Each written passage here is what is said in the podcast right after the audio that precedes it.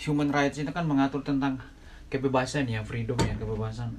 Tapi di lain sisi ada juga uh, proteksi atau perlindungan yang kalau kita lihat di konstitusinya banyak sekali mengatur mengenai hak-hak ini yang kemudian di tingkat regulasinya dijabarkan lagi di dalam undang-undang ya undang-undang terutama undang-undang 39 tahun 99 tentang HAM kemudian ada juga tentang pembentukan Komnas HAM ya Komnas HAM kemudian ada peradilan HAM secara struktural ini badan-badan yang dimaksudkan untuk me melindungi hak-hak asasi manusia yang mana ketika terjadi pelanggarannya akan dilakukan penindakan terhadap pelakunya. Kemudian itu tingkat regulasi. Nah, kalau kita kaitkan di dalam konstitusi tentu seperti saya katakan tadi banyak sekali hal-hal yang mengatur tentang hak-hak ini ya dan juga perlindungannya. Fakir miskin juga termasuk bagian dari hak-hak asasi manusia juga yang harus dilindungi oleh negara. Kemudian kebebasan, kebebasan ini belakangan ini agak unik nih kebebasan ini terutamanya kebebasan baru-baru ini ada sejumlah mahasiswa di UGM yang mau menyelenggarakan uh, seminar tentang pemecatan presiden kan seperti itu agak viral juga tuh ya yang mana menurut mereka atas nama kebebasan akademik whatever pun itu anytime anywhere itu bisa saja didiskusikan. Cuman di lain sisi ada yang keberatan bahkan terjadi intimidasi terhadap narasumbernya. Yang katanya bahkan itu makar ya. Ya jadi rame lah pokoknya. Intinya di satu sisi sebenarnya kita juga punya kepentingan untuk memproteksi lembaga kepresidenan juga sebenarnya. Jadi kebebasan di satu sisi dan perlindungan di satu sisi kita kan sudah belajar menyelenggarakan pemilu lima tahun sekali yang tujuannya antara lain untuk memilih presiden dan wakil presiden agar terjadi peralihan kekuasaan secara transisional.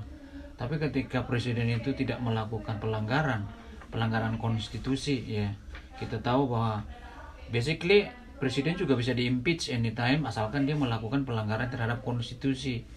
Dan saya pribadi tidak melihat sebenarnya ada indikasi pelanggaran itu ya kita orang hukum setidak-tidaknya harus ada yang arahnya apakah presiden melakukan pengkhianatan terhadap ideologi negara perbuatan e, tercela ataupun pelanggaran hukum berat korupsi dan lain sebagainya. Sepanjang itu tidak ada memang tidak ada urgensinya. Jadi bicara masalah urgensi ini penting.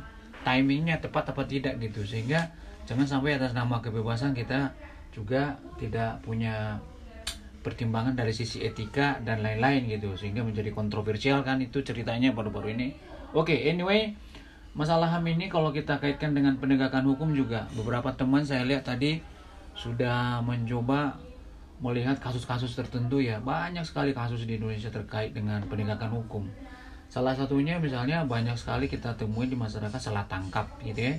Salah tangkap kemudian juga penahanan yang ber bahkan bertahun-tahun ya. Saya punya pengalaman ada orang asing yang tertangkap di Indonesia yang kebetulan dia ada buronan dari negara lain.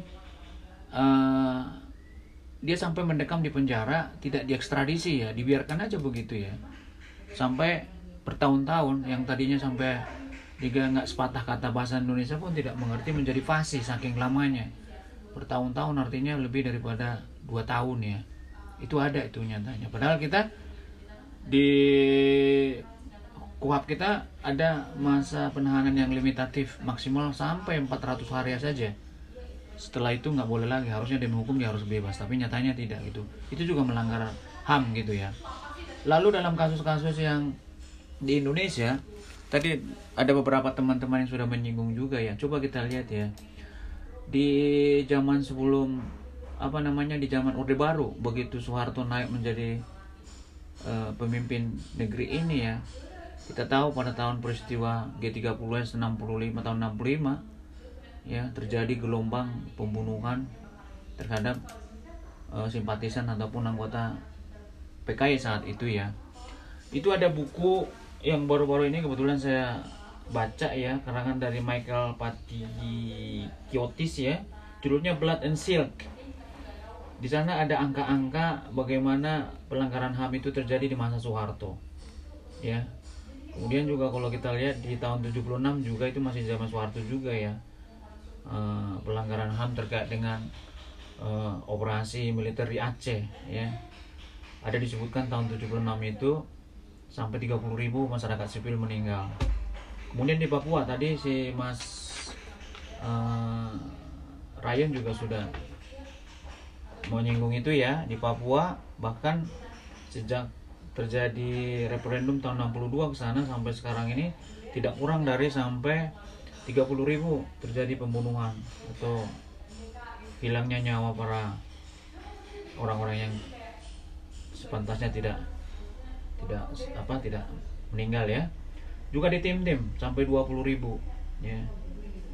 Tahun 99 nah itu ada di buku ini. Nah kemudian yang terbaru ya kasus Trisakti. Ada yang menyinggung kasus Trisakti ini sampai sekarang juga nggak jelas penanganannya. Karena katanya konon yang meninggal cuma berapa orang begitu nggak sampai 10 orang. Ya itu juga alasan yang tidak tepat ya karena bukan soal jumlah. Kita tahu di Amerika baru-baru ini minggu lalu kita diskusikan cuma satu orang ya. Walaupun memang itu bukan yang pertama ya dan itu sudah sistemik dari dulu juga begitu. Tapi paling tidak it's not about the number ya. It's about apa namanya human human rights maksudnya ya. Oh itu banyak sekali kasus. Nah belum lagi mungkin juga teman-teman masih ingat jangan-jangan ada keluarga kita juga yang sampai korban dari peristiwa tahun 98 ya. Di mana terjadi pembakaran di Jakarta yang sampai masif begitu. Itu kalender di kalender itu ada apa namanya tuh? Di daerah kalender maksud saya ada mall yang sampai dibakar. Sedemikian rupa banyak orang meninggal di sana. Kemudian juga teman-teman kita yang dari etnis Tionghoa tempoh hari sampai ada yang diperkosa ada yang sampai melarikan diri itu juga pelanggaran HAM yang secara sistematis juga. Tapi ke mana pelaku pelakunya itu sekarang? Diadilin apa tidak? Nah itu eh, sangat ironis sekali ya.